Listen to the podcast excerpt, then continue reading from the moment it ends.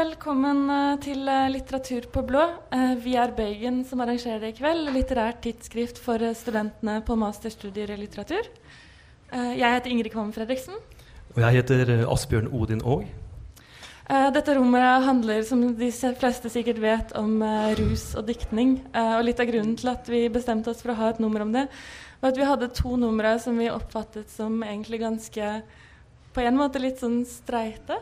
Og så satt vi og pakket bøygen og kom på alle de forfatterne som har skrevet sånn om ekstatiske erfaringer og eh, rus, og om lesningen som rus, og så mye ting som vi hadde lyst til å skrive om.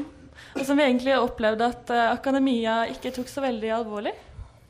Eh, rus har jo vært et eh, stadig tilbakevendende motiv i litteraturen, helt fra de tidligste tider.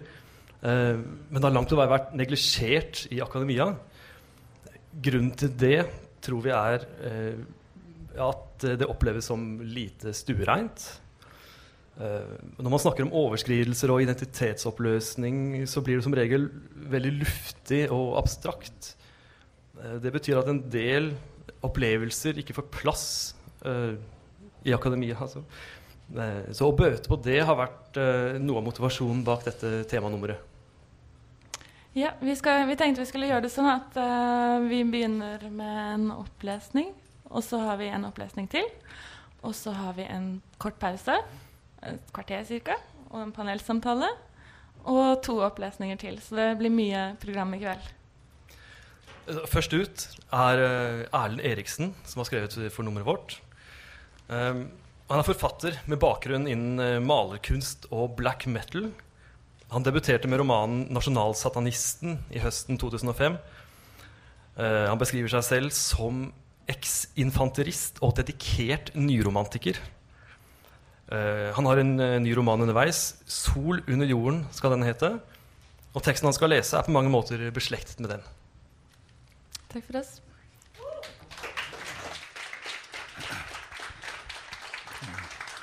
Hallo. Hører godt? Ja, jeg hører ingenting. Ja, altså, når man blir invitert til å skrive om rus i et studenttidsskrift, så det er jo selvfølgelig lett å tenke på alkohol og kunstige ting. Men jeg drikker ikke brennevin, og jeg eh, forakter all narkotika, selv hasj. Og øl og sigaretter er jo jævlig meningsløst å skrive om. Så da skriver man heller noe nyromantisk eller uh, noe svulstig som folk kan irritere seg over, eller like jævla godt. Og Jeg skal lese en tekst som heter 'Av horn og himmel'. Et maleri, har jeg kalt den. I det, tot I det totale mørket finnes ingen forfengelighet, tenker kunstneren, og stirrer inn mot skyggen mellom beina hennes. Det svarte, rufsete kjønnshåret som et dekke over et sluk som når som helst vil kunne suge opp i seg resten av kroppen. Modellen vifter nonsjalant med den ene hånden mens kunstneren maler henne. Sitt stille, tenker han. Øynene hennes er fjernt blå mellom altfor mye maskara og fregner. Litt overvektig er hun til og med, og ingen skygger faller innover kroppen hennes slik de burde. Portrettet av henne ligner mer et lubbent og sykt lam enn en vakker kvinne. Sitt stille ditt lam, tenker kunstneren atter en gang og glaner på den mørke dusken hennes. Men der værer han bare et illeluktende sluk inn mot mørket, lukten av gammelt blod. I stupmørket, ingen forfengelige, tenker han igjen og kaster fra seg penselen. Han ber modellen forsvinne, slukker alle lysene og blir stående alene igjen i mørket. Kunstneren har sett nok. Han har sett for mye og for lenge. Han har malt hundrevis av kvinnekropper, sett hoftene, øynene, håndleddene, brystene og vulva. Alt. Men har han sett det som ser, det som stirrer, det som betrakter disse kvinnene, altså seg selv? Narsissisme. Vi skriver som ville hunder for å finne oss selv. Vi maler for å skape oss selv i vårt eget bilde. La det bli lys. Vi vil se oss selv vokse, oppstå som nye og fremmede, men likevel bare være oss. Mennesket vil se menneskene gjennom mennesket, ergo sum. Skikkelsens holdning i svart kull, linjene og strekene fra en kullstift, og videre inn mot hudens hemmelighet. Den mannlige maler ser igjen. Han ser det hvite lerretet reise seg som skrekkelig frihet, som et tomrom, som den totale ensomhet. Kunstneren som skal skape seg selv, gjenskape skikkelsens holdning. La det bli lys. De første spede forsøk, omriss, former, volum og rom. Omsider legger han nyansene og fargene utover, valørene. Hudfarget er ikke én farge, men milliarder. Oppå hverandre, inni hverandre, rundt hverandre. Huden først, så underhud, som legges over omrisset, blålig og rosa blandet. De brede skuldrene, den slanke halsen, armene litt ujevne og grove. Huden hårete, den første huden. Kvinnens hud er av en annen tekstur, glatt, og de runde formene avføder færre flater og skygger. Kvinnen er sakte og stille strøk med syltynne blodårer så vidt synlige i brystene. Hud har sitt opphav i blåfarger, det er hudens hemmelighet. Blodet i årene gjør huden svakt blå, ikke oransje, gul eller hvit, men blå. Blodet virker blått under huden når sollyset skinner mot cellevevet, mot pulsen av rødt i lyset gjennom huden. Som igjen blir lilla, egentlig lilla. Susingen fra blodet er lilla, som er gjenkjennelse av hud, av hudvev mellom blod og lys. Hudfarge skapes av rennende blod i tusenvis av årer under huden og under solen, gjennom armer og bein, utover i fingrene, bankende, svimlende. La det bli lys, lys lilla. Og se, en anelse gult også. Gult og rosa og deretter pigment, som føflekker, arr og fregner, og sår, hår, solflekker, vorter, rynker og rifter. Huden i maleriet begynner langsomt å ligne huden til han som maler seg selv. Skuldrene blir brede og blå, altfor blå, og det, og det hvite, gule og rosa blandes inn, og litt grønt. Det ligner enda mer. Penselen er for hard i busten, den drar med seg for mye maling, strøkene levres. Kunstneren kjenner speilets mørke, selvsentrert og blendende. Det farger, det farger lyset og lyser opp fargene. Og han elsker speil, tenker han. Jeg elsker deg! Skyggene i partiene under armene og midt mellom brystmusklene må gjøres mørkeblå og kaldere i tonene enn de mer utstående og varme partiene. Biceps blir varm og svakt lilla. Brede strøk over store flater, overkroppen, halsen. Tynne linjer nedover underarmen over adamseplet puls og penselstrøk, blålig og blek hud. Som hos Edvard Munch, la det bli lys!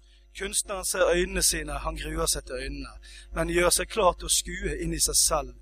Dyppe penselen i grønt og skjelvende fører den mot sitt eget ansikt, for å finne de store, grønne øynene under mørke, rødt hår. I et stille rom, bare seg selv i speilet, og så, og så bare stå der og glane inn i sitt eget fjes tomrom i øyehulene. Hvor lenge, hvor lenge klarer han å betrakte dette uten å kjenne noe fremmed vokse frem? Det er plutselig øynene i speilet som i stedet glaner mot ham, stirrer inn i ham. De andre i øynene glaner inn i hans egne. De andre er hans egne. Grønne, ukjente, rasende. La det bli lys! De ligner, øynene i maleriet ligner. De synker på plass i ansiktet, stirrende ut i lyset misantropi. De skriver som ville hunder og maler som slitne barn for å få svar, for å forskjønne det usunne. De maler syke piker, visnende blomster og kropper av hvitt flesk. Vi maler tomme blikk og døende ansikt, bare for å opphøye oss selv, oss uskjønne og nedrige. Det hvite og skinnende lerretet er omsider blitt fylt av farger, feil farger, skitne farger. Grønt, betent og brunt, like brunt som det indre i oss, mørkebrunt og rødt som alle åpne sår, ber skitten burgunder, kunstige blomster og kloakk. Falskt, urent og transcendant. Og aldri mer ville se hverandre inn i øynene. Brune, blå, grå eller grønne, for bare å møte svik, løgn og svakhet gang på gang. Kunstneren senker hodet, lukker øynene, husker den gangen for mange år siden, husker modellen som vendte seg bort idet han nesten hadde henne. Hun hadde skult mot ham med bekymret forventning, kanskje i motvillig forfengelighet, som om hun plutselig angret. Akkurat idet han endelig fanget linjene fra panen og nedover nesen ved øyehulen, helt perfekt, vendte hun seg bort og forandret stilling. Hun vendte seg bort som i blygsel, skam og redsel når han nesten hadde henne. Hvorfor? Den nakne kvinnen ville ikke se seg selv, ville ikke se seg selv som seg selv. Hun ville ikke se det hun hatet, for hun visste at maleriet ville komme til å ligne. Kunstneren rygger, trekker seg unna. Bilde av seg selv. Bare den ene armen er levende og lilla. Lyseblå av rent blod. Bare den ene armen ligner. Umenneskelig i all sin fred og varme. Med sine sener og muskler malt i lyst blått og svakt rødt. Bare én arm ligner. Men ikke slik selveste Edvard fikk det til å ligne, han som med overmenneskelighet malte det nedrige og underlegne som kunst, som drøm, som holdning. Han som malte det som ikke kan sees, det som egentlig burde få leve, og ikke oss. Derfor alle spyttklysene som rant nedover vampyr i Paris. Og ennå skriver vi som ville hunder og maler som slitne barn for å forskjønne det usunne. Kunstneren gråter, han ser seg selv i maleriet, i selvportrettet. Degenerert. Han ser at skuldrene ikke stemmer, at proporsjonene revner, at øynene i bildet brått falmer, og at blikket viker. Og han ser at hodeformen, selve kraniet, ikke ligner sitt eget, men et lams. Nei, kraniet smalner inn og ligner en geit. Elsk deres fiender, gjør godt mot dem som hater dere. Nei, la de sterkeste vinne, og la kun de vakreste blomster stå. Vi ligner ei de beste, vi maler og skriver, gråter og sminker oss i stanken fra oss selv. Kunstneren løfter atter penselen. To pensler, én i hver hånd. Lange strøk farer over bildet. Mye med mørkeblått, tenker han. Det røde og blå blander seg med grønt. Grått vokser frem. Hudfarge, tenker han. Hudfarge er ikke grå, enda mer blått. Men øynene vil ikke frem, de blir store og stygge. Kunstneren trykker penselen i blått og smører utover slik at alt blir skittent. Rosa, tenker kunstneren. Må begynne med lys rosa, deretter blågrønt. Mørke øyehuler trer frem når han blander rosa og blått. Men det blir feil, forferdelig feil. Og han tenker på maleriene til Edvard igjen, og på maleriene til August Strindberg, på den fineste poesi, men han står likevel fast, kommer ikke igjennom.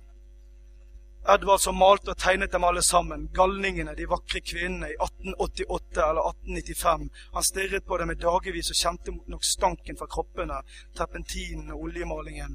Ikke gråt, ta ditt liv! Han var sikkert iskald på fingrene, sulten, og han hostet og var kvalm, men likevel fortsatte store Edvard å stirre på dem. Stirre gjennom huden deres og inn i tankene, der han sto hostende i kulden. Han malte Nietzsche, han tegnet Obsfeller og Strindberg. Slik sto Edvard helt til parafillampen sluknet i atelieret. Helt til han møtte de hvite korridorene i sanatoriet, men mesterverket henger igjen. Evige avtrykk uten feil. Alt dette henger igjen i verden og i livet. Lucifer, la bare den sterkeste komme til deg. Mindre verdighet. Vi skriver som ville hunder og maler som slitne barn med, øns med ønsker om å opphøye det uskjønne, i usle håp om å forskjønne oss selv, mens vi plager hverandre slektsledd etter slektsledd, kaster sykdom og lyter etter oss, som var det en arv av forfall til de nye barna de nye barna, redselen i de nye jentenes øyne, oversminkede øyne og syltynne kropper av redselen, med fingre fulle av nikkelringer, sølvringer og falske diamanter, står de usikre og uheldige i skyggen av solen og tenker på seg selv. Selmske blikk mot de nye guttenes arr og utslett, mot fedme, hårvekst og svette. Ikke en eneste eiendommelig karakter, ikke en eneste blomst, ikke en eneste liten rose dypt ned i alt ugresset. Ingen originale figurer, ingen ubeskrivelige naturer. Bare simple gjengivelser og kunstige mønstre. Men ingen er forfengelige i det totale mørket. Lite pene trekk blir stadig forsterket og nærmer seg mer og mer det virkelig motbydelige gjennom vansirede ansikt og videre livsangst inn i nye generasjoner. Speilene blir deres mørkeste fiender, avlet av forfengelig sorg, og gnister vil slukke og fornedrelse vil tennes i ungjente etter ungjente gjennom fødsler av nye barn som skal vokse seg enda lengre bort fra skjønnheten.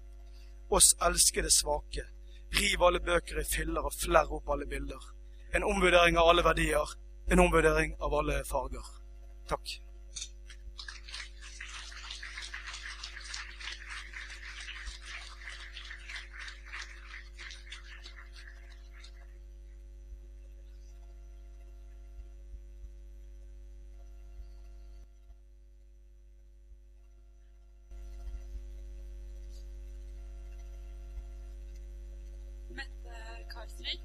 beskriver seg selv som en uh, Mette Karlsvik beskriver seg selv som en forfatter som liker ting som har knapp, som kan slås av og på. Uh, fyrstikker, å finne blåbær og å bade med morild. Hun har skrevet en tekst uh, som er en av de som har en litt mer subtil uh, tilknytning til temaet vårt. Vi skal ut på en islandsk biltur med Bjørk i passasjersetet. Og nærmer oss både politisk og økonomisk galskap og den forførende naturen på Island. Dette her skal kanskje også bli en bok en gang. vær så god, Mette. Tusen takk, Ingrid. Men etter at bøygen ble trykt, så skjedde noe med den teksten med den islandske bilturen. Og etter at jeg hørte Erlend lese, så tenkte jeg at det hadde vært veldig fint hvis det var et tegn på at teksten hadde fått et eget liv og prøvd å transcendere. Men jeg tror bare at jeg har tenkt litt mer på teksten siden den ble trykt. Nå heter den uh, 'Å bli til'. Uh, eller altså å tilblivelse. Og handler om Gudmundur Gunnarsson, som er født i 1945 og får ei datter i 1965, når han er 20. Bjørg Kofot Hansen er 19 år og gravid på åttende måneden. Mannen hennes er på skolen. Bjørg er hjem. Hjem er ei lita stue i Vik med vindus mot vest, som får nordvesten på skrå. Bjørg står og går. Hun er så redd for å gjøre noe feil når hun er gravid. Hun tør ikke å gå eller stå, så legger seg på ryggen på divanen under vinduene. Putene på divanen er ru. Lufta er skarp, ikke så veldig skarp. Det er egentlig bare en trekk. Egentlig er det bare slag med vingen fra en sommerfugl men for Bjørg er den helt tydelig.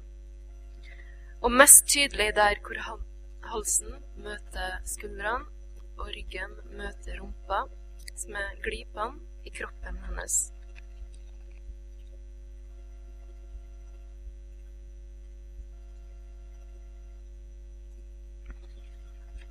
Hun trekker en saueskinn over seg, den myke pelsen mot halsen, dytter pleidet mot huda. Og så er det noe som dytter tilbake. Mildt først. Knøttsmå fosterføtter sparker som unger på sykkel med dynamo. Det går sakte først. Men etter hvert fortere. Det blir glødende gult rødt. Bjørg setter seg opp. Hun kjenner surtsi, eller surtsi, mot ryggen. En slags risting. Det er vulkan. Det er ikke farlig. Men telefon Bjørg slår null. Null. Én. Skiva ramler så sakte for hvert tall, men det er greit. Hun har rutin for det her, men rian dem er ny. Det har hun ikke kjent før. Surtsi sier jo til alarmene og forteller at det snart blir vulkanutbrudd. Hun legger på, slår nye tall, ringer teknisk skole Islands og spør etter mannen sin Gudmundur, som er inntil time, som han går ifra. Han tar en drosje mot Vik. Island hans er for stort i dag. Islandshester er for små i dag. Hestekrefter for lite. Vulkaner er malplassert. De skulle vært i forgasseren på drosjebilen, tenker han, og kommer til huset i Vik når vannet går, vulkanen kalver. Lavaen stivner, og hele verden går til TV-apparatene sine. Island er i alle kanaler denne kvelden. Lassi Midhallar frilanser for alle for SVT, NRK, men først og fremst sin egen statskanal som Gudmundur får glimt av. Når han nå da må ut av fødestua fordi ingen forklarer han hva som skjer underveis under fødselen. Eh, alle jordmora og legen de snakker altfor høyt, men ikke til han. De snakker til hverandre, og de springer etter instrument, og de springer forbi Gudmundur. Som om han ikke hadde følelser, liksom. Som ikke han brydde seg om hva som skjedde der. Men til slutt så får han Bjørg for seg sjøl. De er trøtte. De sitter på stua fødeavdelinga.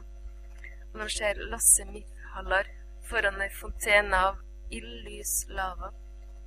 Mens han forteller at ikke et eneste liv er gått i vulkanutbruddet men to mennesker er født. under vulkanutbruddet. Den ene kalt opp etter mor Bjørg. Den andre kalt opp etter fraværet av trær på Vestmannaøyer. Varmekilde. Vestmannaøyer er Vedufarskjær, Bjørk og venninna. De møtes på Bergen, kjenner hver fold i berget og vet hvor de skal tråkke for å komme seg opp fra vannet, hvor de skal tråkke for å komme seg ned i vannet, hva slags klokkeslett som er best for å gå ned i vannet. Og vannet er best når sola står høyt og sjøen akkurat er blitt høy. Uh, jentene er fortsatt varme av søvn fordi det er tidlig på dagen. Bergene er fortsatt varme fordi floa er ny. Bergene er varme under vannet, og Bjørk står i ro i vannet. Hun er varm under føttene, men hun er kald på resten av kroppen, så hun dukker ned, og så legger hun håndflaten mot berget, mot bunnen. Og bunnen er varm kilde av berg. I 1986 så blir Gudmundur Gunnarsson bestefar. Uh, Gudmundur datter, dattera hans, uh, er gravid når uh, Tsjernobyl-ulykka skjer. Nå er det hun som forteller. Far min trykker knappen med kraft på TV. Tusen lysrør blir til ett bilde. Bildet er av hullet i atomkraftverket Tsjernobyl. Lysrørene blir et annet bilde av hullet i himmelen over Antarktis.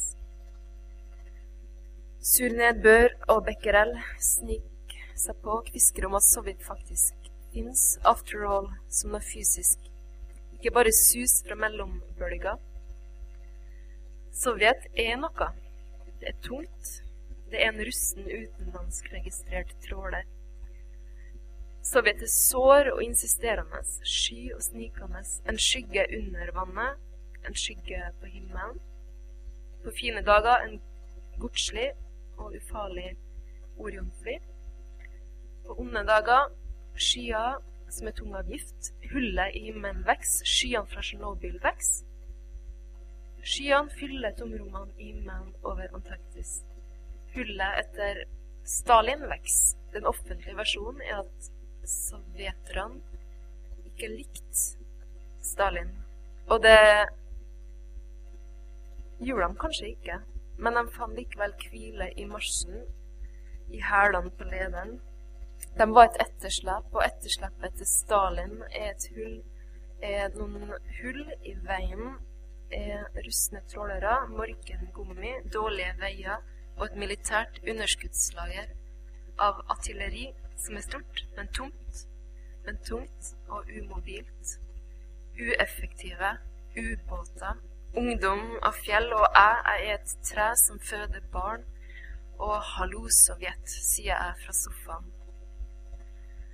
Hvordan går det borti Sovjet, sier jeg og ser på TV-en. Ja, hvordan går det egentlig?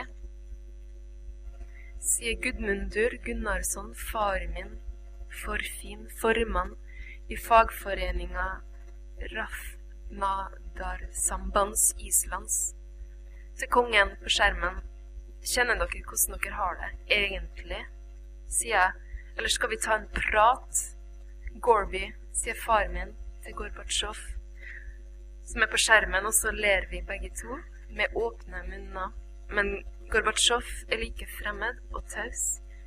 Taushet er relasjonen sitt svarte hull. Gorbatsjov er stille så lenge at stilla drar til seg alle andre sine ord, penger, hjelp.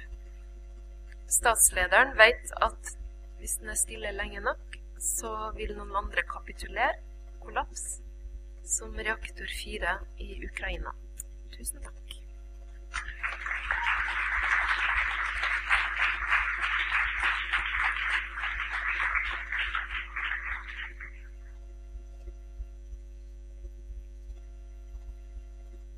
Tusen takk til uh, Mette Karlsvik. hvis dere er interessert i å lese en litt beslektet tekst, og på mange måter kanskje en fortsettelse av dette her, så må dere altså kjøpe det neste nummeret av eh, Bacon. Nei, det dette nummeret av Bacon. Nå blir det en, eh, et kvarters pause. Da rekker dere å ta dere en røyk, og kanskje bestille dere en øl, og kjøpe Bacon, men ikke så veldig mye mer.